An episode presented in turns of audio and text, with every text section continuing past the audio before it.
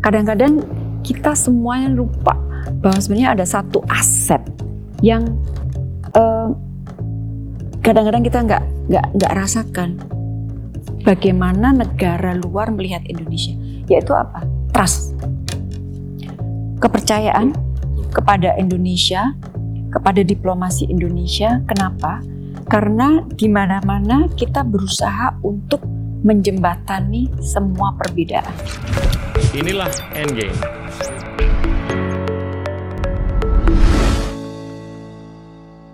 Halo teman-teman, hari ini kita kedatangan Bu Retno Marsudi, Menteri Luar Negeri Republik Indonesia.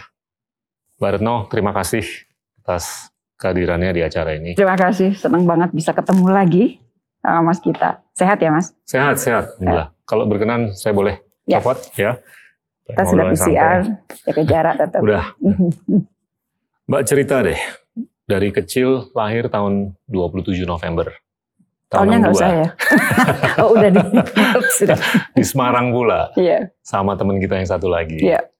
Terus ke mana? Terus tiba-tiba bisa tertarik dengan urusan luar negeri? Gimana tuh ceritanya? Hmm. Jadi kalau dilihat masa kecil, gak pernah kebayang bahwa saya akan sampai di titik ini. Em, saya datang dari keluarga yang sangat biasa, Yap. sangat sangat sangat sangat biasa, nggak ada yang istimewa. Eh, saya sempat merasakan bagaimana hidup susah. Eh, kalau ditanya titik baliknya beberapa dot yang kemudian bisa menghubungkan sehingga saya bisa sampai di titik ini, ya pertama pastinya UGM ya, karena di Siap. UGM itu sudah mulai masuk ke hubungan internasional. Hmm. Kemudian yang kedua, eh, Kemlu kebetulan pada saat itu punya satu program baru yaitu rekrutmen secara langsung. Jadi Oke. datang di beberapa universitas negeri, kemudian menjaring mahasiswa-mahasiswa, eh, kemudian dapat dan saya termasuk salah satu yang dapat rekrutmen langsung. Jadi belum lulus udah dibayar sama Kemlu Wow. di Ijon, di Ijon Wow. masuk Kemlu. Terus Kemlu itu memang harus diakui sistem rekrutmennya oke, oke dari sejak awal pada saat kita semua belum mengenal reformasi, Kemlu udah menata sistem. Jadi eh, betul-betul orang yang masuk itu berusaha semaksimal mungkin untuk disaring sesuai dengan meritnya. Jadi eh, di situlah orang seperti saya yang nobody, Ya. nggak punya apa-apa, nggak punya siapa-siapa, akhirnya bisa masuk ke eh, Kemlu. Terus dengan sistem merit system yang bagus itu, eh, saya alhamdulillah bisa menjadi direktur yang pada saat itu masih sangat muda. Eh, 38 tahun tuh waktu itu orang Wow. bilang, oh direktur Wow, kok muda 38 tahun gitu. Wow. Terus di usia 42 saya udah jadi duta besar Hmm. untuk karir ya. Kalau Ya. kalau yang non karir mungkin bisa lebih muda lagi, tapi untuk karir 42 waktu itu bareng sama Pak Marti Siap. orang juga mikir hmm, kok bisa ya gitu. Ya. Terus kemudian eh, jadi dirjen di usia yang juga relatif muda dan kemudian alhamdulillah di kalau orang Jawa bilang diparing rezeki dipercaya untuk menjadi menteri luar negeri dan kemudian perempuan yang pertama. Jadi dot-dotnya itu sekali lagi ini hanya membuktikan bahwa kalau kita memiliki sistem eh, merit yang baik eh, semuanya kita tata secara transparan maka orang-orang seperti saya yang eh, coming from keluarga Iya. yang nggak ada apa-apanya Hmm. itu bisa meraih mimpinya. Intinya itu dan saya berjanji di Kemlu itu berusaha semaksimal mungkin. Salah satu dotnya mungkin yang saya mau tanya sebagai wanita, Mm. itu gimana Bu? Apakah ada tantangan Banyak, atau oke? banyak.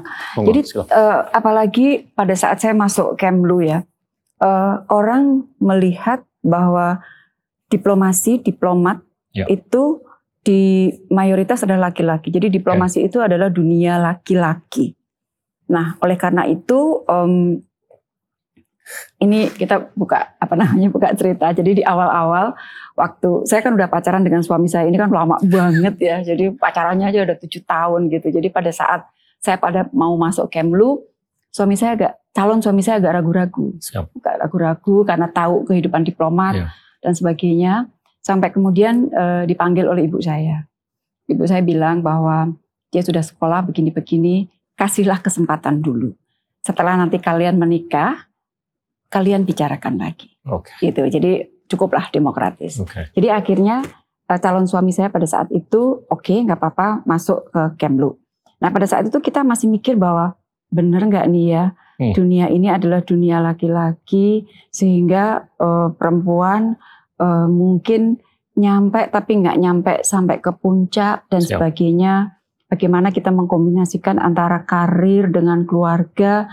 Kalau ditanya tantangannya pasti lebih banyak tantangannya eh, dibanding laki-laki. Yap. Hal yang eh, gampang aja. Kita kan secara alami harus ngurus anak, harus Yap. ngurus eh, keluarga. Walaupun laki-laki juga ngurus anak ya, tapi kan secara naluri Yap. ibu itu kan lebih akan lebih Pasti. banyak gitu kan Mm. di keluarga. Nah itu kalau kita nggak punya eh, komitmen bersama, kalau aku bilang sih teamwork ya sama suami eh, bahwa di keluarga itu ya tidak ada pembagian yang rigid. Ini lo, ini gua. Ya. Tapi pokoknya siapa yang bisa melakukan itu kita lakukan akan sulit Ya. untuk menjadi diplomat yang berkeluarga. Tapi untungnya saya bisa. Jadi saya dulu punya kayak panutan ada seorang diplomat perempuan Mbak Isya itu bisa Mbak Hasan. Faisal, Faisal Hasan em, bisa berkeluarga dengan baik, eh, karirnya baik, sempat jadi duta besar. Jadi dan kebetulan saya dekat, jadi saya kalau ngeliat Mbak Isya itu, aduh saya bisa nggak Isya, jadi Iya. kayak Mbak Isya Wow. dan sebagainya gitu. Tapi akhirnya karena komunikasi kita dengan keluarga baik, eh, keluarga kalau menurut saya begitu keluarga kita ada gangguan pasti Ya. larinya ke mana-mana. Ya. Jadi keluarga harus kokoh dulu, harus solid dulu, baru kemudian urusan kerjaan dan alhamdulillah dengan sistem yang dimiliki oleh Kemlu ini perempuan betul-betul tidak didiskriminasi. Bagus. Jadi Bagus. perempuan diberikan hak yang betul-betul sama. Jadi Ya. sangat tergantung bagi eh, pada kita bagaimana kita bisa menggunakan Ya. eh, kesetaraan ini untuk mengejar mimpi kita. Intinya itu. Di keluarga saya tuh ibu saya dulu cita-citanya mau jadi diplomat juga. Sekolah di Adelaide, Mm-mm. tapi nggak tahu gimana dia minta advice dari menteri luar negerinya dulu. Saat itu ya. Mm. Dibilang mendingan lo kawin aja. tapi udah berubah tuh tahun 55. Iya, udah, Sekarang udah, udah, berubah. berubah. Dan dulu kan kita sempat ada kalau misalnya suami istri diplomat, eh, salah satu harus mundur Iya. dan biasanya yang akan mundur adalah perempuan. Sekarang udah nggak lagi. Jadi kita Siap. berusaha untuk dekatkan pos mereka dan sebagainya dan sebagainya. Jadi setara. Bu, saya mau ngobrol mengenai beberapa hal terkait dengan hubungan luar negeri. Yang akhir-akhir ini kan yang banyak di ngobrolin nih mengenai diplomasi vaksin. Hmm. Cerita deh mengenai COVAX dan lain-lain. Iya, jadi Peran Kemenlu nih nggak nggak nggak bisa di underestimate untuk memulihkan Mhm. eh, apa ya banyak masalah lah yang Iya. ada di masyarakat luas selama ini. Jadi kan kita semua nggak pernah nggak pernah menduga Ya. bahwa eh, COVID-19 ini, virus COVID-19 ini akan datang Siap. dan ternyata datang dan nggak cepat pergi. Sekian lama, sudah dua tahun kita di dalam suasana seperti ini. Nah, di awal-awal eh, kita masih ingat itu Januari 2020 ya, Siap. 2020 kita kasus kita pertama adalah Maret, Ya. eh, awal Maret 2020. Nah, di awal-awal kita udah mulai berkalkulasi, ini kayaknya beneran nih, Hmm. bakal semakin eh, memburuk. Nah, Ya. setiap kali ada sak penyakit seperti ini kan, pasti kita mikirnya vaksinnya apa, obatnya apa, antinya apa. Nah, oleh karena itu kemudian eh, presiden bicara bagaimana kita mendapatkan akses untuk mendapatkan vaksin Ya. secepat mungkin. Di saat itu tuh suasananya mas kita ya Allah, Iya, iya. vaksinnya masih belum jelas, Ya. eh, efikasinya semuanya masih eh, dalam eh, trial semua. Kemudian eh, produksinya kalau toh mereka sudah produksi, produksinya kecil, udah produksinya kecil, udah diborong sama negara-negara yang punya duit banyak. Ya. Terus wah, apa namanya? Banyaklah banyak hal dan eh, biasa hukum pasar kan, you Siap. know, barang sedikit yang minta banyak berarti harganya pada saat itu lebih mahal. Yep. Nah, di titik itu presiden mengatakan begini, kita harus lari duluan, Yep. cari akses, buka semua jalan, cari akses. Nah, saya termasuk yang diberikan tugas oleh presiden karena eh, bagaimanapun juga eh, network ya, Yep. networknya eh, sudah punya lah uh, Netflix untuk dunia. Plus waktu itu dibantu oleh Pak Menteri BUMN, yep. terus kemudian uh, Pak Ibu Menteri Keuangan yang Pak punya networking yang bagus juga kita gunakan. Terus kemudian Pak Budi yang sekarang Siap. jadi Menkes waktu itu jadi Wamen hmm. ikut gerak semua dengan timnya Kemkes waktu itu. Jadi uh, akhirnya kita punya akses dan uh, orang sempat tanya uh, kenapa kok kita pakai Sinovac. Yeah. Sekali lagi situasi sangat apa ya sangat dinamis sangat yeah. boleh dikatakan chaotic pada saat itu. Yeah. Kita ketok semua pintu akses kita kita ketok. Nah Kebetulan yang membukakan pintu pertama saya ingat betul antara lain adalah Sinovac dan AstraZeneca. Oleh karena itu kita negosiasi dengan mereka untuk uh, dapat akses uh, vaksin.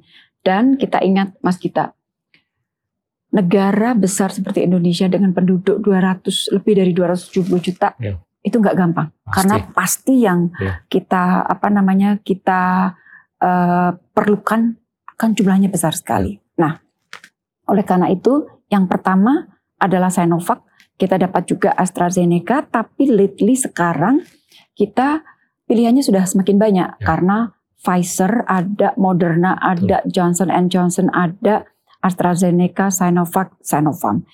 Nah, intinya yang menolong kita sampai di titik ini yang kalau kita lihat presentase vaksinasinya kita sudah melebihi target yang diberikan oleh WHO. Ya. Itu kenapa? Karena kita bergerak cepat. Tentunya cepat itu bukan cepat ngawur, ya. tapi cepat yang kalkulatif. Semuanya ya. kita uh, kalkulasi dan akhirnya kita memiliki akses untuk beberapa pengembang dan produser uh, vaksin. Itu kalau kita bicara mengenai Indonesia. Ya. Nah, tapi kan sebagai anggota negara anggota dari dunia ini, hmm. kita kan nggak boleh hanya mikir Indonesia. Betul. Betul. Oleh karena itu dari sejak awal kita juga menyuarakan kesetaraan vaksin bagi semua negara Betul. dan vaksin itu harus uh, harganya terjangkau sehingga negara-negara itu bisa membeli vaksin.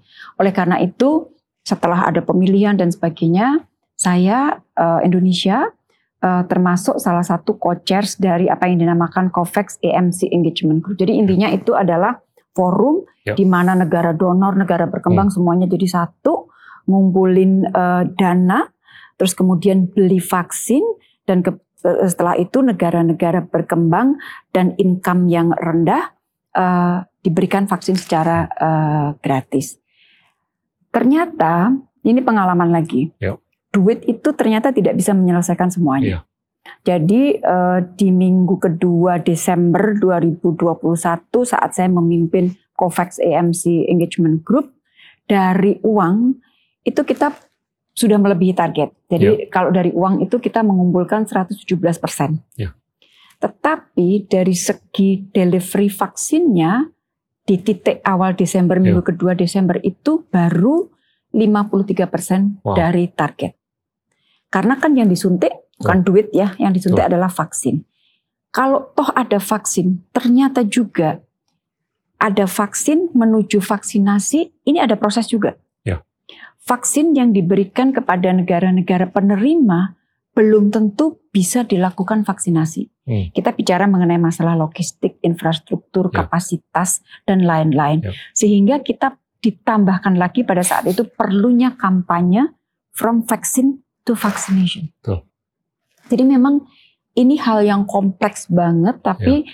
saya senang bahwa diplomasi bisa berkontribusi sangat. di dalam situasi yang sangat penuh tantangan.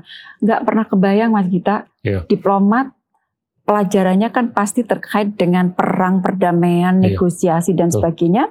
Tiba-tiba masuk pandemi, saya sampai apal deh nama obat, nama vaksin, platformnya apa dan sebagainya dan saya bentuk tim khusus yang uh, khusus mendalami mengenai masalah uh, vaksin. Jadi kita yeah. pantau pergerakan dunia, kasus di negara-negara lain itu kasusnya seperti apa untuk lesson learn yeah. Ya. uh, bagi kita. Yeah. Gitu. Jadi intinya sebenarnya kita senang bahwa diplomasi bisa berkontribusi yeah. dalam situasi seperti ini. Luar biasa. Dan hmm. ini kelihatannya bakal berkesinambungan Ha-ha, Karena udah dua mutasinya kan betul, cukup betul. itu ya.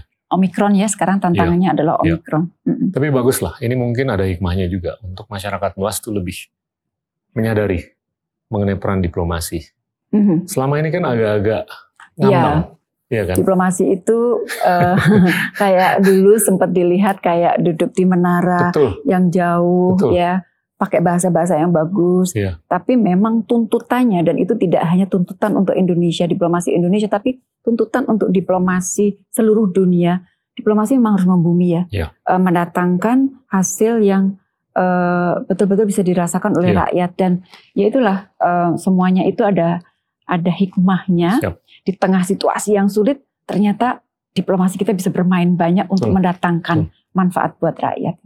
Mbak ini saya mau geser topik mengenai isu-isu geopolitik di kawasan dan internasional. Mhm. Mungkin yang pertama yang obvious adalah terkait dengan Rohingya. Mhm. Eh, apa yang masyarakat luas tuh perlu ketahui Mengenai Rohingya. mengenai Rohingya dan peran Indonesia selama ini dan apa yang bisa di, dilakukan oleh Indonesia dan masyarakat luas. Jadi ini adalah PR yang udah bertahun-tahun ya. Siap. Jadi kalau saya kebetulan baru kembali dari Bangladesh eh, menjelang akhir tahun 2021.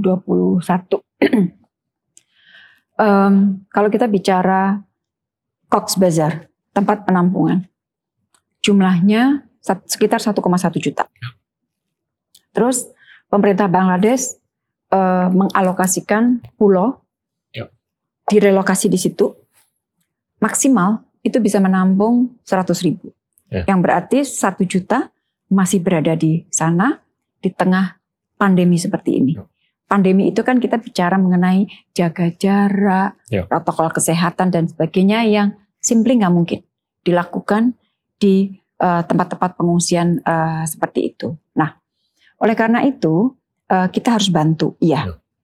Tapi kan kita menyelesaikan masalah, kita harus tahu akar masalahnya itu apa.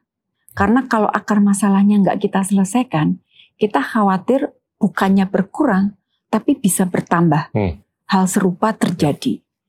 Akar masalahnya apa? Akar masalahnya ada di Myanmar. Hmm. Pada saat itu kan terjadi tindakan-tindakan kekerasan yang menyebabkan mereka harus mencari selamat, akhirnya lari dari negaranya keluar ke Bangladesh. Jadi isu Rohingya ini kalau menurut saya idealnya diselesaikan dengan cara apa? Repatriasi, pulang ke rumah mereka. Ya. Mereka punya rumah Hmm. di Rakhine State di Ya. Myanmar. Mereka harus pulang ke rumah mereka. Tetapi mereka tidak akan pulang kalau situasi di Rakhine State itu tidak kondusif. Ya.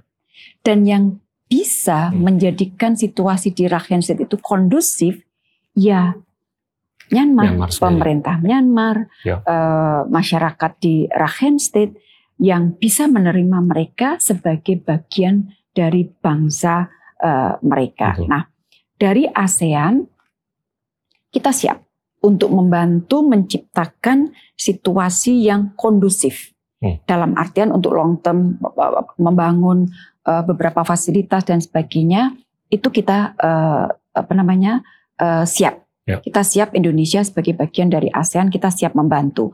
Pada saat itu short termnya kita bantu baik yang masih ada beberapa yang tinggal di sana maupun yang ada di Bangladesh. Kita memberikan bantuan kemanusiaan dan kita membangun rumah sakit satu rumah sakit Hmm. di Rakhine State Ya. yang pada saat pembangunannya itu kita sengaja mempekerjakan eh, orang-orang Rakhine State yang datang dari berbagai macam background. Ya. Jadi ada Muslim, ada Buddhis dan sebagainya Hmm. supaya mereka bekerja sama Ya. dan akhirnya tercipta sekali lagi suasana yang kondusif. Ya. Karena sebenarnya kalau kita lihat eh, dari segi kemajemukan hampir sama dengan Indonesia Betul.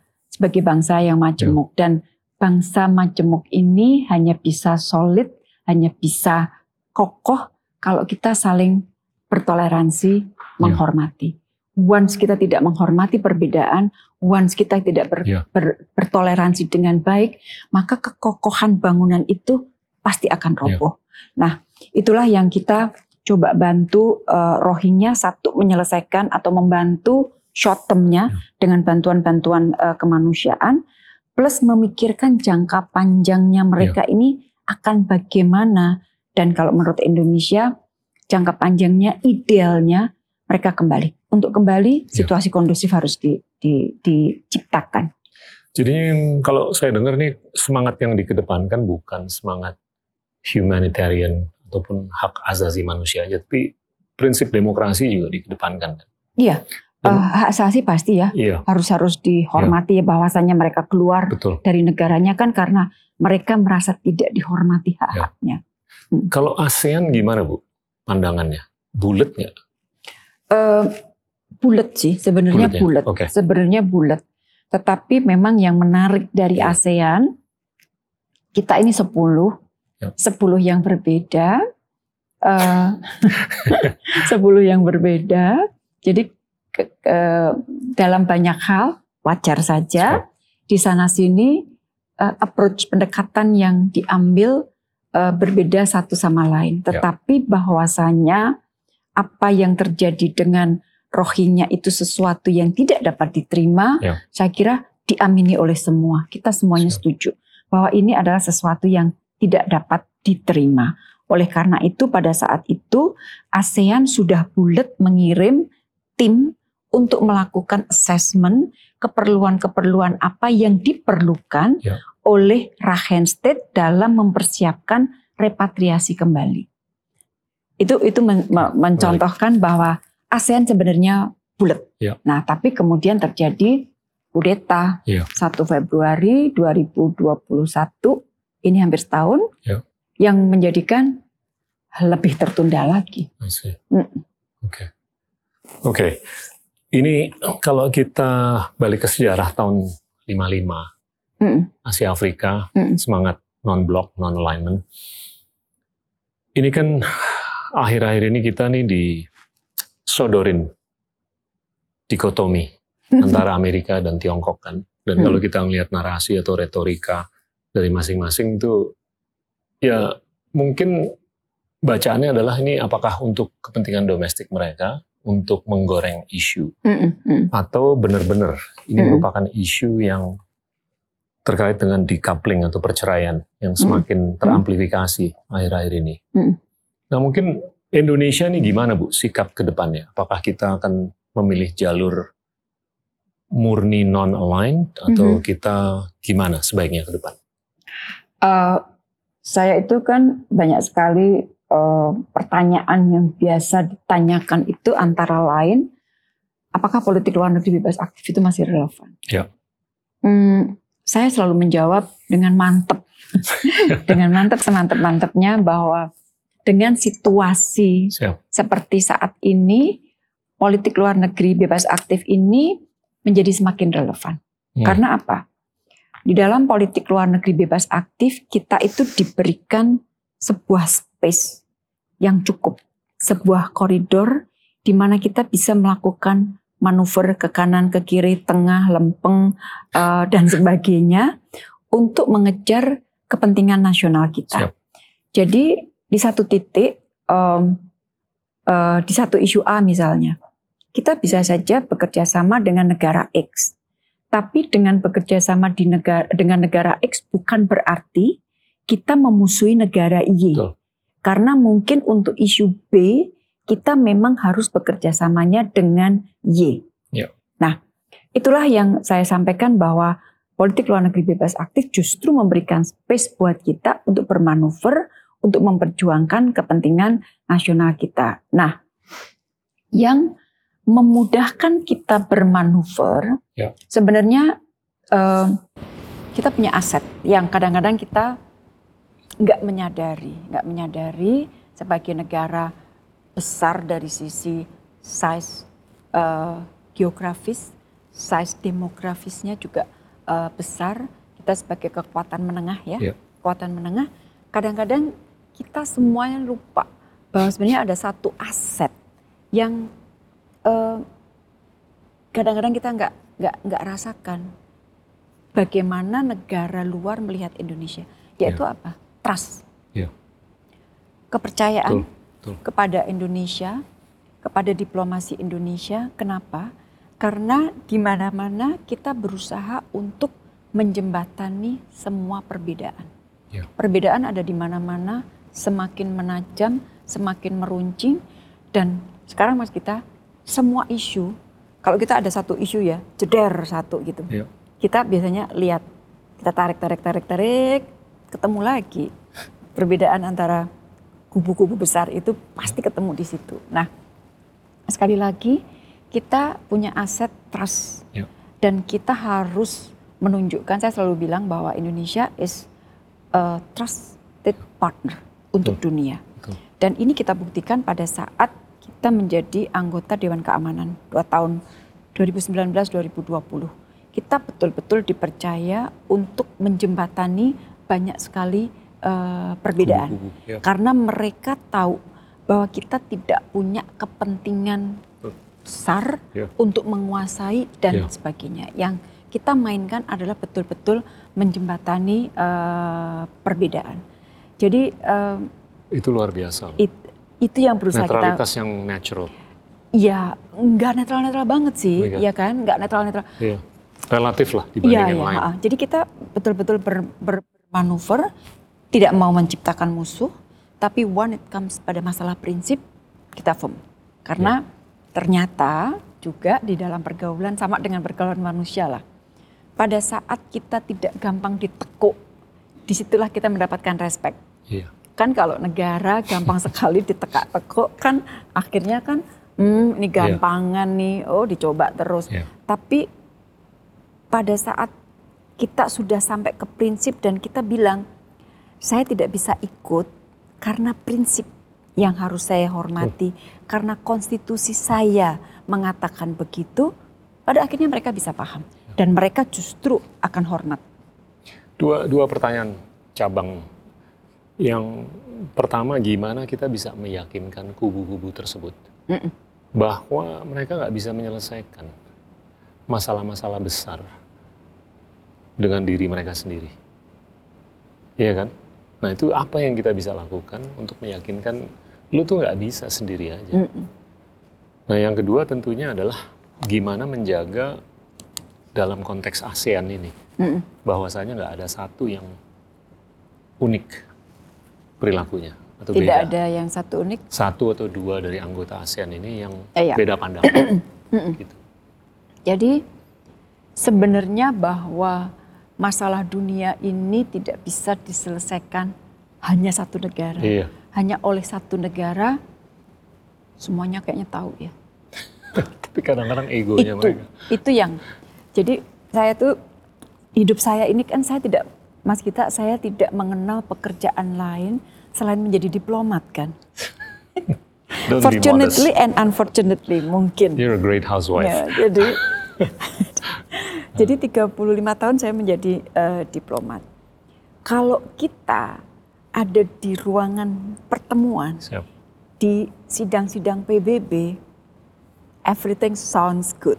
Ya. Ya kan, kita harus begini, kita harus begini. Nah, pada saat implementasinya ternyata tidak seindah apa yang disampaikan. Ya. Ada gap antara statement, political statement, Ya. Dengan apa yang ada di lapangan. Oleh karena itu, yang sering kita sampaikan, kadang-kadang kita agak agak ini juga sih, agak apa nyentil. Kita bilang walk the talk dong gitu. Jadi walk the talk dong. Benar, Jadi apa yang benar. lo omongin ya harus lo eh, lakukan karena mereka sadar seperti pandemi ini. Balik lagi ke pandemi. Pandemi ini bisa selesai kalau semua negara selesai. Ya. Semua negara selesai, bisa selesai kalau paling tidak tingkat vaksinasinya cukup tinggi. Betul. Karena walaupun vaksin itu tidak bisa menyelesaikan semuanya, tapi paling tidak vaksin itu bisa membentengi sedikit lah. Ya. Banyak sih, bisa membentengi. Ya. Nah, berarti kan kesetaraan vaksin lagi. Betul. Semua negara.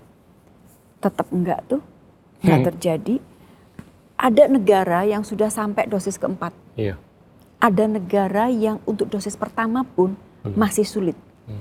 Terus kita bilang, oke, okay, kendalanya apa sih? Produksinya terbatas. Oke. Okay. Kalau produksinya terbatas, perbanyak dong. Perbanyak, hubnya perbanyak dong. Kita siap loh jadi hub. Enggak usah deh, tetap aja di situ. Ya. Terus kita bilang lagi transfer teknologi dong. Enggak bisa lagi. Jadi banyak sekali kendala yang memang sulit ditembus even di masa sulit di mana kerjasama itu diperlukan seperti pandemi. Ya. Ada gap antara apa yang diomongkan dengan apa yang diimplementasikan. Dan akhirnya kosnya buat dunia ini oh, iya. lebih besar banyak, sekali. lebih besar dibanding ya. kalau kita betul-betul uh, bekerja sama. Ya. Nah, sekali lagi gap antara di ruang sidang dengan di lapangan ini harus terus ya. dipersempit Ya. dan walk the talk.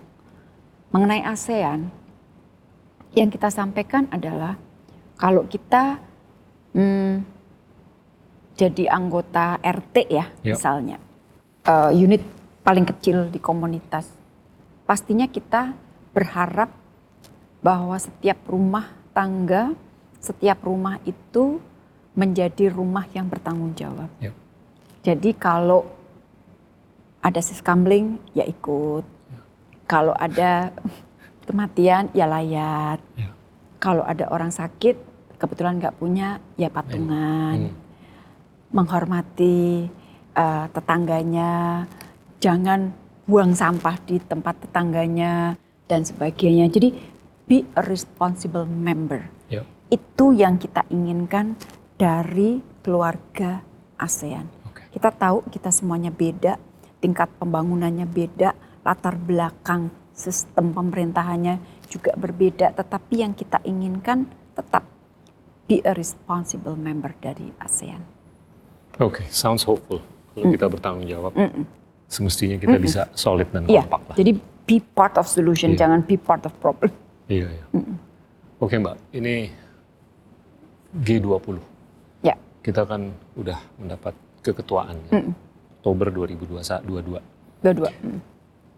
Apa yang kemarin saya ngobrol sama Sandy mengenai hmm. ini, ya ngalur ngidul aja gitu. Hmm. Apa sih bro yang kita bisa hmm. gali? Saya mau tanya nih, Mbak Retno, apa yang kita mau coba raih dari pertemuan yang hmm. super super keren? Iya. Jadi aku pengen mulai eh, ini sekali lagi yang kadang-kadang memang nggak bisa diangkakan. Ya. Nggak semua hal memang bisa diangkakan. Ya. Banyak yang bisa diangkakan, ada hal yang tidak bisa diangkakan. Salah satunya adalah apa? Trust. Siap. Trust itu kelihatannya cuman trust, tapi turunannya kalau dihitung angka akan banyak sekali. Ya. Andai kata atau mudah-mudahan ya kita yakin kita akan bisa memainkan kepemimpinan kita di G20, maka di situ akan muncul trust yang ya. lebih besar kepada Indonesia. Orang datang ke Indonesia. Setahun ini kan akan ada 150 ya. uh, meetings ya. Dia datang yang belum belum pernah datang ke Indonesia akan melihat hmm, ternyata cukup maju lah ya. Indonesia. Ya.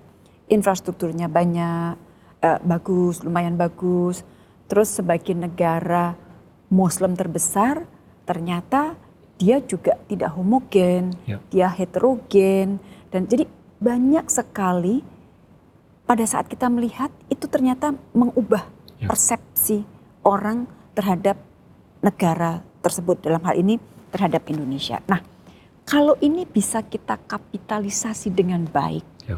akan berujung pada trust ya. yang tebal yang dengan trust itu oke okay, investasi akan lebih banyak. Yeah.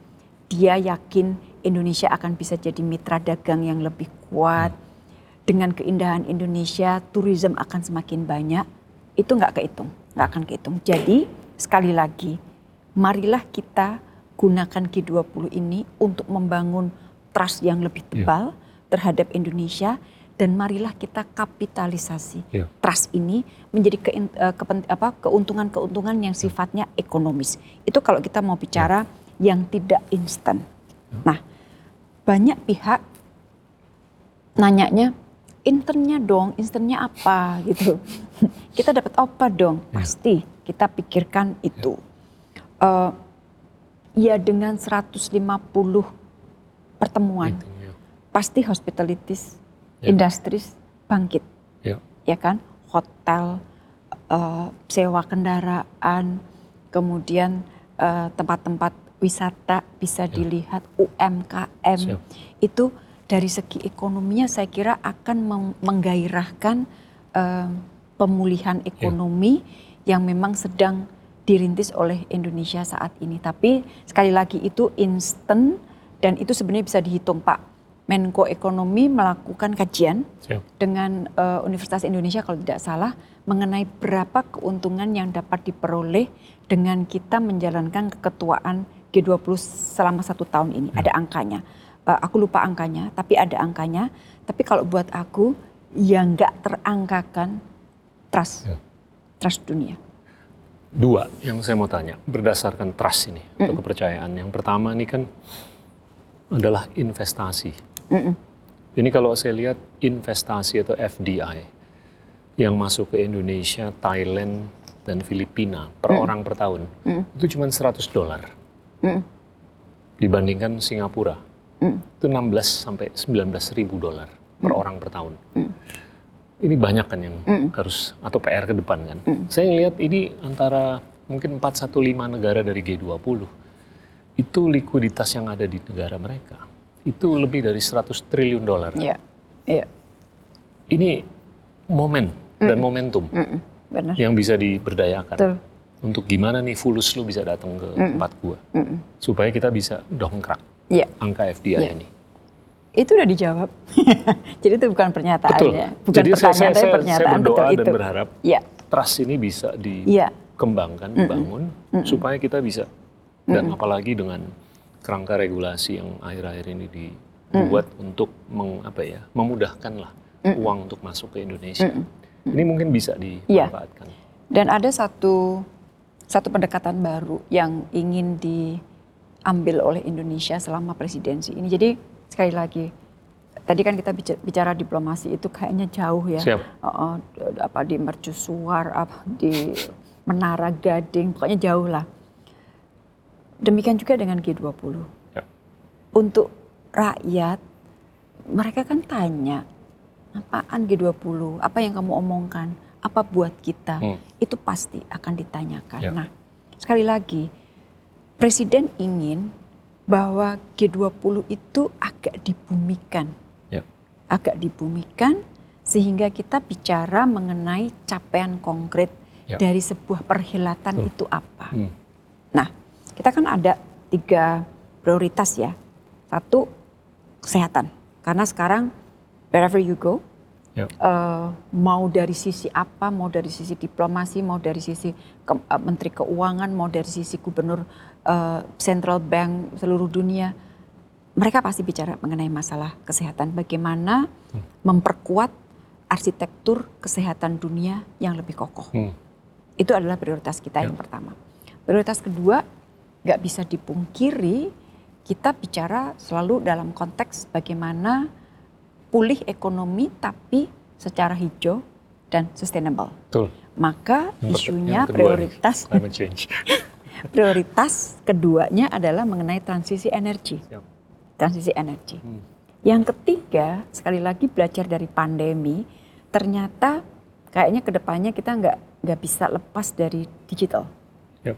Maka prioritas ketiga adalah transformasi digital, Yap. termasuk saya sih nggak mau ngomong perkara masalah ke- apa eh, cyber dan sebagainya, Yap. tetapi yang diperlukan oleh rakyat pada saat kita bicara mengenai transformasi digital adalah bagaimana Pak UMKM ini bisa mendapatkan akses, bagaimana diberdayakan Hmm. agar dia bisa masuk pasar Ya. Eh, digital, bagaimana dia bisa bersaing dari segi kualitas dan sebagainya dan sebagainya. Nah, jadi tiga klaster besar, tiga prioritas itu dan presiden tuh inginnya di masing-masing klaster itu kemudian ada basket list tawaran-tawaran Ya. dari negara G20 tidak hanya untuk negara G20 tapi sebenarnya untuk dunia Dunia. untuk dunia. Ya. Jadi itu yang berusaha untuk uh, pendekatan itu yang berusaha untuk kita ambil, tapi itu perlu kerja keras dan perlu pendekatan ekstra apa ya, ekstra personal. Iya. Karena tradisi mereka tidak begitu. Ya. Kita ingin tradisikan yang agak konkret dan kita perlu bicara. Jadi ini aku cuman uh, Betul. menyampaikan kira-kira uh, Indonesia itu mau apa sih dengan G20? Kita ingin konkretkan Ya. semua prioritasnya sehingga at the end rakyat bisa Iya. bisa merasakan manfaatnya. Ini harus dicuap-cuapin, Iya. harus dinarasi. Iya, iya Dan harus dinarasikan kapan betul. lagi bisa ngumpulin? Dengan bahasa yang mudah ya. Iya. Jadi kita tuh sekarang even bahasa diplomasi kita berusaha permudah Iya. supaya masyarakat rakyat bisa paham, bisa Iya. Kalau bahasanya ada bebeliut udah "Hmm, ini apa ya? Bahasa sederhananya sih fulus. Kita nyari fulus di sini. Cuan, Cuan, iya kan? cuan. Terus ya. begitu ngumpul, yang yang tricky ini kan climate change. Itu kan kayak, waduh di 33 ribu kaki banget kan. Iya, mm-mm. Tapi gimana nih? Karena nggak bisa kita hanya menggunakan energi terbarukan. Karena skalanya tuh nggak nggak cukup. Itu Iya. harus dibantu, Iya. disolusikan Iya. oleh mereka. Kan untuk men apa namanya transform dari energi fosil iya, misalnya nggak ke bisa energi baru terbarukan, at least ada dua Iya, dua elemen yang sangat penting. iya, Satu adalah teknologi, yang kedua adalah investasi. betul. betul. Nah, makanya sekarang pertanyaannya, bagaimana G20 Iya. bisa berperan? Iya. Tadi saya bilang, kalau once it comes to teknologi, negara-negara kadang-kadang dipegang. Iya. Suruh transfer, belum tentu mau. Iya. Investasi juga harganya mahal banget kan. Jadi mau nggak kita berkalkulasi, ada risikonya, tapi calculated untuk menginvest Betul. di energi-energi yang baru dan terbarukan. Karena kalau tuntutannya hanya semata dari fosil menjadi eh, green, Mhm, mendadak, nggak bisa. akhirnya yang ini udah berhenti, Iya, yang ini belum terpenuhi, akhirnya krisis energi. iya, Dan betul. krisis energi harganya iya. Transisinya harus dipikirkan Iya. dengan baik. Iya. Oke, ini mungkin agak sedikit provokatif, tapi ini terkait dengan normalisasi. normalisasi Yang- iya. dengan Iya, dengan antara Timur Tengah dengan satu negara, Mm-mm. ya kan? Udah diprakarsai oleh beberapa teman-teman kita. Pandangan Ibu atau pandangan Indonesia ini gimana sih sebaiknya? Saya tentunya nggak bisa kasih pandangan apa yang dilakukan oleh negara lainnya. Siap. Itu adalah hak berdaulatnya mereka yang nggak pantas kita apa berikan komentar. Tetapi eh, buat Indonesia kan orang bicara mengenai oh banyak sekali dan baru-baru ini muncul lagi eh, apa namanya berita berita yang bahwa Indonesia akan segera menormalisasi, saya sampaikan bahwa bahwa kita tidak punya hubungan dengan negara tersebut itu bukan sesuatu yang sifatnya statis. Ya. Seumur hidup akan begitu, enggak. Semua akan tergantung bagaimana situasi lapangan. Lapangan itu berarti hubungan negara tersebut dengan Palestina bagaimana hak-hak Palestina dihormati, bagaimana kemerdekaan eh, Palestina bisa diperoleh, Ya. dijamin, bagaimana keadilan bisa terwujud. Jadi semuanya akan sangat tergantung pada situasi itu. Ya. Jadi kalau ditanya, sekarang sudah saatnya belum? Belum. Kita akan selamanya begini? Enggak. Dan kita dorong, kita Ya. dorong terjadi dialog kembali kan sempat macet lama. Eh, makanya kemarin ada pertemuan antara mereka berdua. Itu kita betul-betul dorong. Karena sebenarnya yang bisa menyelesaikan urusan mereka itu mereka berdua. Ya. Kita bisa menjadi fasilitator, kita bisa menjadi supporter dan sebagainya. Tetapi sekali lagi kita sangat mengharapkan mereka berdua bisa melakukan dialog, bisa meresume negosiasi sehingga kemerdekaan Palestina bisa bisa Betul. Di, di- diperoleh dan hak-hak Palestina bisa dihormati. Kalau situasinya masih seperti ini, dicaplok terus, Susah. dicaplok terus, dicaplok terus, kayaknya belum, belum Iya. saatnya kita untuk melangkah, mengambil langkah yang lebih besar. Yang, normalisasi. yang sangat masuk akal dalam batas logika ya adalah two state solution. Iya, iya. Iya kan? Mm-mm. Tapi two state solution itu harus berprinsip. Ya. Dan prinsip itu nggak bisa Ya. dilanggar dengan Iya. aneksasi atau Iya. apa pun lah. Ya, Eh, two state solution itu saya kira hal yang paling dapat dilakukan. Iya. Karena kalau one state solution, Nggak one mungkin. system, pasti kan pertanyaannya sistem mana yang dicaplok? Iya. Yang dicaplok pasti yang Iya. Palestina dong, Iya. ya kan? Iya. Kan nggak bisa, Hmm. gitu kan? Nah, jadi itu yang harus jadi basis pem- semua pembicaraan eh, kita mengenai isu eh, tersebut. Nah, untuk two state solution itu ada turunannya. Iya. Turunan-turunan itu harus dihormati, harus dijalankan. Ya. Dan sebenarnya gampang kok. Kita tuh udah nggak nggak perlu ngarang. Karena di Dewan Keamanan PBB resolusinya tuh Betul. banyak banget. Itu termasuk isu itu termasuk yang menghasilkan resolusi paling banyak. So Iya. just do it gitu loh. Betul. Kenapa kok nggak di kok nggak dijalankan? Iya. Itu saja. Ya ini ini pandangan orang awam aja. Sejarahnya kan di awal abad ke-20 kan itu untuk memberikan fasilitasi dan okupasi untuk mereka yang dipersekusi. Mm-mm. Iya kan? Tapi sekarang okupasi ini nggak nyambung dengan semangat mereka yang dipersekusi. Enggak. Iya kan? Mm-mm. Jadinya itu harus diletakkan Iya. jernih gitu loh. Iya, iya. Dan ya saya saya berharap lah. Iya dan ini banyak orang berpandangan bahwa ini adalah isu agama. This is not. No, no, no. This is Ini not about agama. Ini adalah iya uh, Ya. apa namanya Dan keadilan ya. dan ya. Terus kemudian ini adalah isu um, pendudukan. Betul. Pendudukan. Betul. Mm. Oke, ini uh, saya mau ngobrol mengenai demokrasi. Demokrasi. Mm. Akhir-akhir ini saya tuh sering ngobrol mengenai gimana khususnya generasi muda Mm. itu kalau menggunakan gadget mereka, mereka tuh komunikasi lewat sosmed Hmm. hanya dengan mereka-mereka sendiri Mm. tanpa memahami mengenai sejarah, Mm. Iya kan? Kalau menurut saya diplomasi itu nyambung dengan sejarah, pemahaman mengenai sejarah. Dan di dunia ini kan secara kumulatif yang meninggal dunia kan udah 108 miliar orang. Mm. Sedangkan yang hidup sekarang 7,8. Ya oke-oke aja dong kalau kita tuh bisa lebih belajar dari 108 miliar yang sudah meninggal karena mereka pengalaman dan kebijaksanaannya. Tapi ini agak-agak concerning kalau Ya. generasi muda sekarang tuh nggak belajar mengenai sejarah. Jadinya ada kecenderungan untuk kita tuh menderita dari amnesia historis. Iya kan? Dan yang kedua, ada kecenderungan kita tuh menderita dari berkurangnya imunitas kognitif. Sulit untuk membedakan fakta dari fiksi. Iya kan?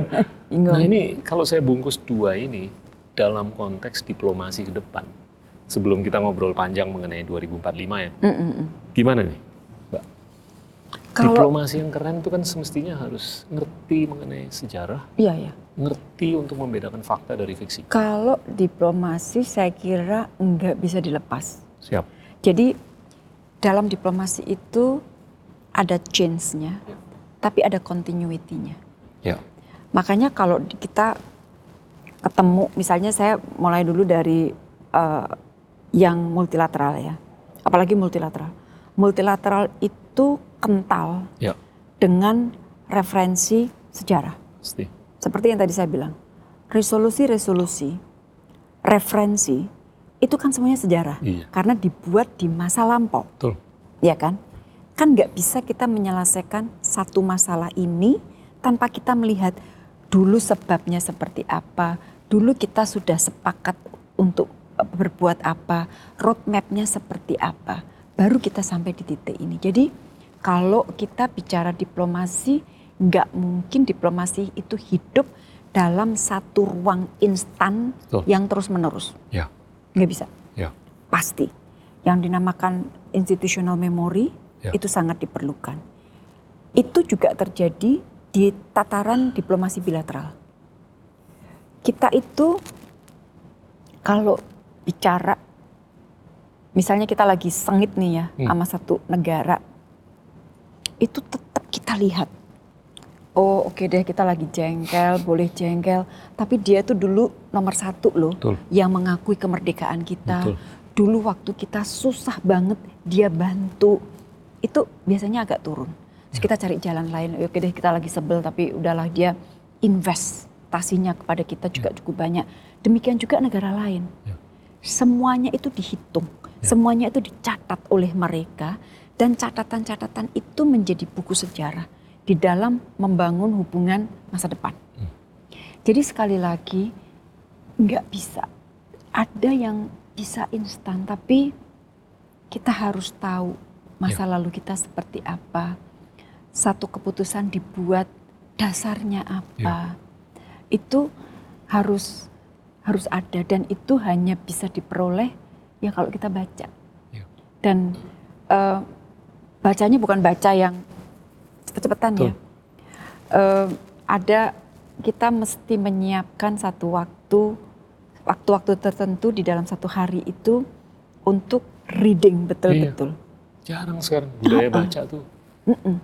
Akan-akan susah. Kalau semuanya serba instan, akhirnya ya itu tadi kalau kita bicara dot ya, Iya. dot, dot, dot, dot, terus nggak terkonek kan dia nggak nggak- menciptakan sebuah gambar kan. Betul. Ya hanya dot, dot saja itu itu nggak bisa. Iya. Mm-mm. Oke. Wow. Oke, ini yang terakhir mengenai demokrasi. Mm-mm. Saya diminta Mbak Retno waktu itu bicara kan mengenai Iya, demokrasi. Bali Democracy Forum. Gimana demokrasi itu nggak tahu ya kesannya akhir-akhir ini kayaknya perlu di reshape, Mm-mm. harus di dikaji ulang. Karena ini kayaknya bablas ke arah yang mungkin kurang berkenan. Mm-mm. Dan gimana demokrasi itu bisa menjawab untuk kita nggak miskin dari kesejahteraan. Ya, Tapi yang lebih penting untuk saya adalah untuk gimana kita nggak miskin dari ide, supaya kita nggak miskin dari atensi. Hmm. Itu kalau menurut saya lebih struktural. ya, ya, ya. Kemiskinan dari ide itu lebih struktural daripada kemiskinan dari kesejahteraan, Mm-mm. ya kan? Mm-mm. Nah itu pandangannya Mbak Retno gimana? Mm. Jadi em, tahun ini kan tahun ke-14 ya kita mengadakan Bali Demokrasi Forum tahun kemarin sih tahun 2021 dan eh, temanya kan eh, Democracy for Humanity karena kita masih bicara dalam konteks eh, pandemi dan sebagainya. Nah kita melihat bahwa akhir-akhir ini justru ada sebuah kerisauan Ya. satu bahkan negara yang eyangnya demokrasi pun Iya. mengalami kemunduran Betul.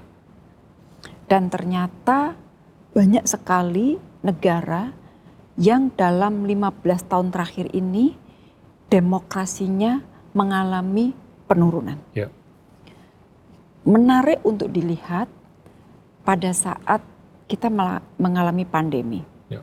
Pandemi ini kan naik turun ya, angka kasus naik turun dan Ya. sebagainya dan dengan sangat mudah pada saat satu negara mengalami kasus yang sangat tinggi untuk waktu yang cukup lama, kemudian kita mengatakan kamu gagal, you fail. Kebetulan negara tersebut demokrasi sistemnya. Mm. Terus sempat ditarik sebuah kesimpulan bahwa ternyata negara-negara yang menganut sistem demokrasi ternyata lebih tidak mampu untuk mengelola sebuah krisis Ya. dibanding dengan negara yang top down. Ya.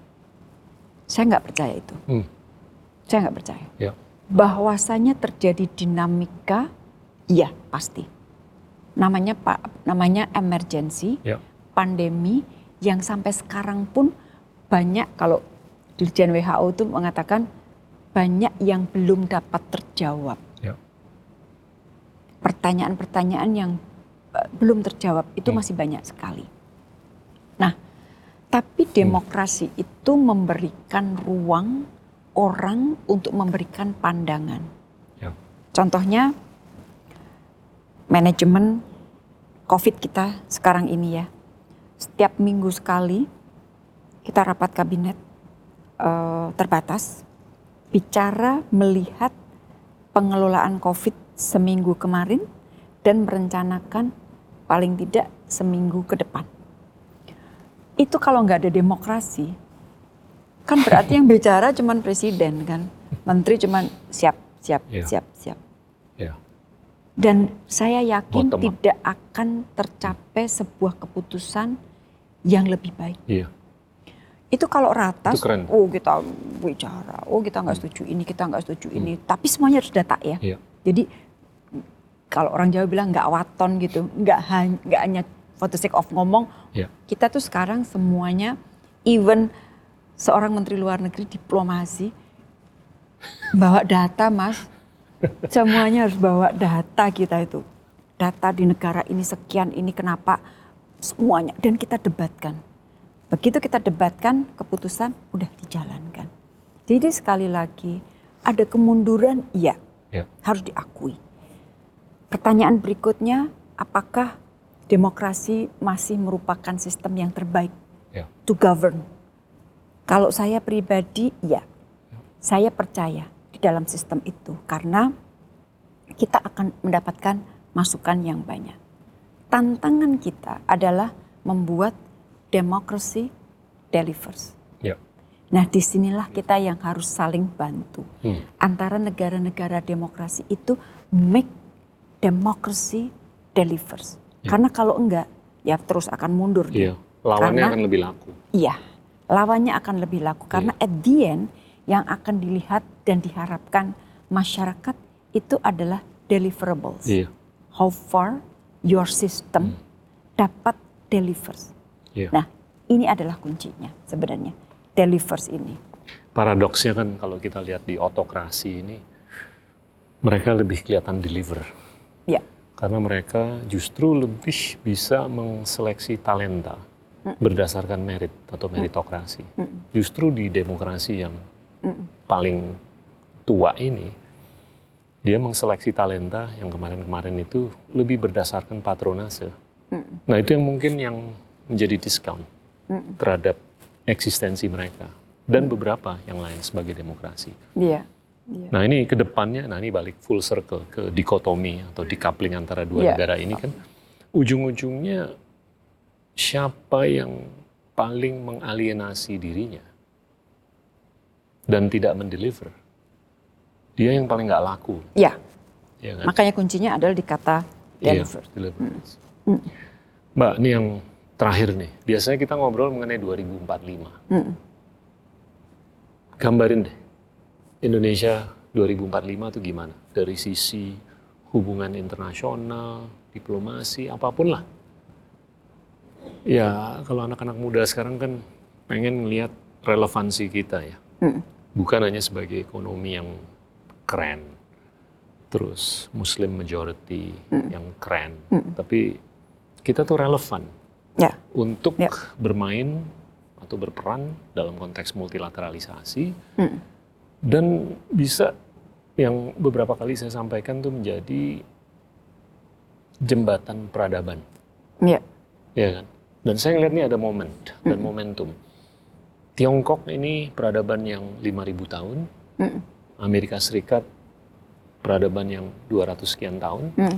Indonesia tuh udah eksis sebetulnya selama 2000 tahun, Mm. ya kan? Kita tuh bisa menjembatani Mm. antara bukan hanya Tiongkok dengan Amerika, tapi Islam dengan Barat Mm. dan macam-macam.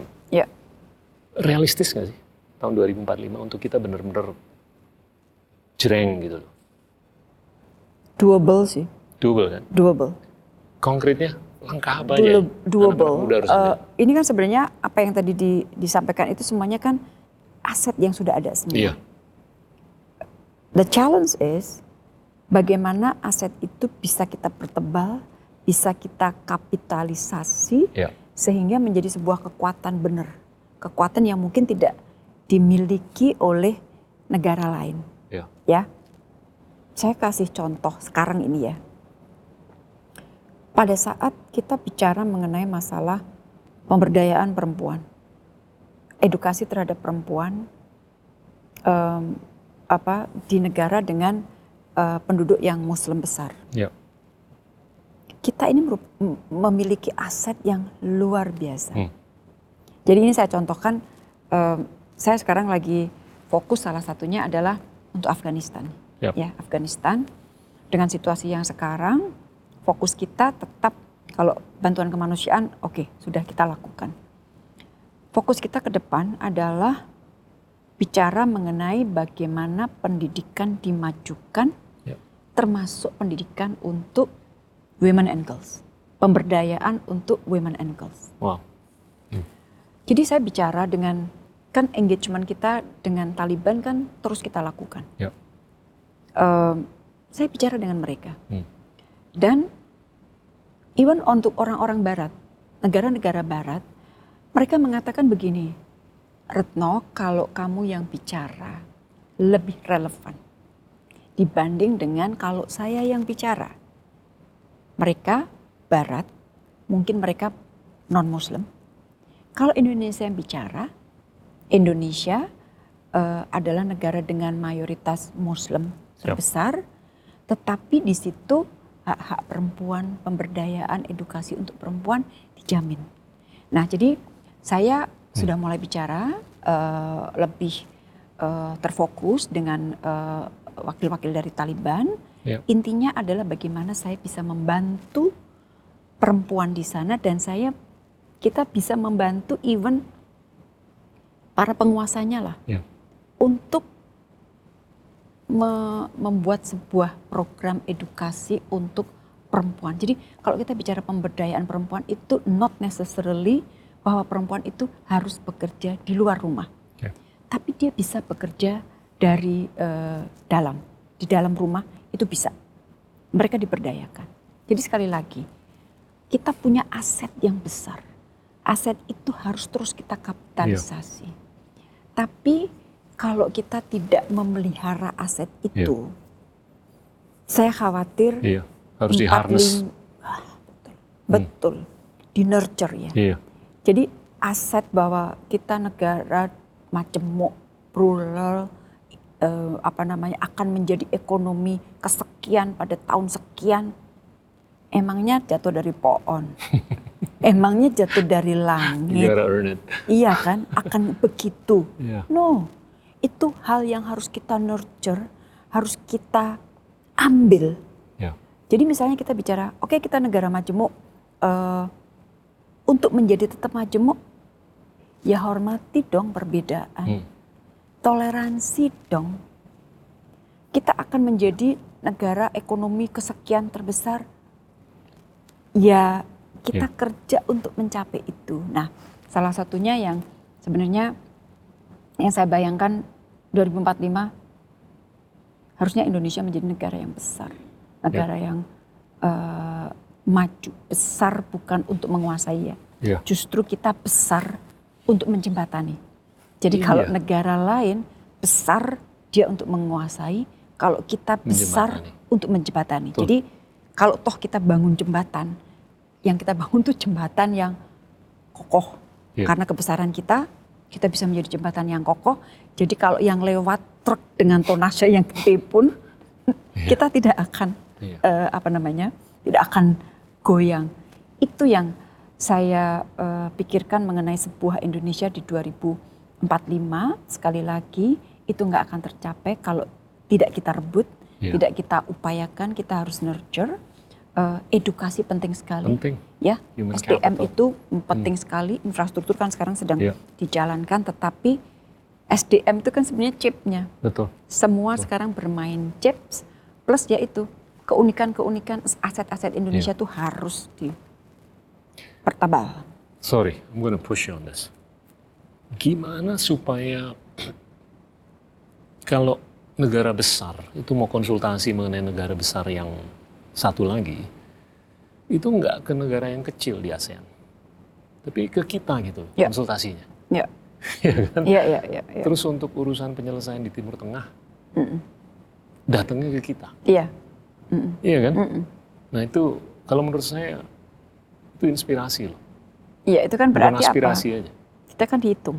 Iya, Kita dihitung itu kalau kita bisa memberikan contoh yang baik, iya, ya kan? iya. Eh, And you've done fantastic untuk vaksin diplomacy, mm, peran wanita di Afghanistan. Mm-mm. Ini harus diviralkan nih. Iya iya Untuk iya. Makanya sebenarnya kan potret luar negeri kita akan sangat tergantung bagaimana kita membangun dalam negeri kita, Iya, ya kan? iya, Itu kan proyeksinya akan akan ke luar Betul. negeri. Jadi kalau kita Misalnya kita ngomong perkara pemberdayaan perempuan. Di dalam kita tidak berdayakan perempuan, Ya. perempuan tidak diberi eh, hak-haknya secara setara kan saya nggak bisa ngomong. Ya. Saya hanya bisa ngomong Walk the karena talk. walk the talk. Karena saya pun mengalami diberi kesetaraan tersebut. Terus pada saat kita bicara, ayo kita semuanya toleransi, saling menghormati. Di dalam, enggak. Jadi memang harus nyambung betul apa yang kita lakukan di dalam dengan potret yang akan tergambar kita eh, di luar akan seperti apa. Tapi sekali lagi yang saya inginkan adalah 2045 kita kuat bukan untuk menindas, bukan untuk menguasai, tapi kita kuat untuk menjadi jembatan yang Siap. sangat kuat. Ada poin-poin akhir sebagai pesan untuk masyarakat luas? Em, agak klise itu, tapi penting banget persatuan mas. Siap. Kita itu nek being majemuk. Kekuatan, tapi tantangannya besar. Ya. Dan kalau kita tidak bisa mempertahankan atau memelihara kemajemukan tersebut, Setuju. kita tidak bisa menjaga persatuan, Ya. saya agak khawatir. Ya. Saya agak khawatir karena semuanya bangsa negara di mana pun itu baru bicara apa, Ya. apa pun bisa dibicarakan as long as Ya. kita kuat dulu Ya. sebagai satu bangsa. Saya Jadi- optimis. Ya, Saya jadi insya. Allah kita akan bisa, Ya. tapi kita harus sadar Ya. bahwa itu bukan turun dari langit. Ya. Itu something yang harus kita nurture setiap saat. Iya. Saya tuh udah ngeliat 2000 tahun terakhir kita tuh cobaannya banyak.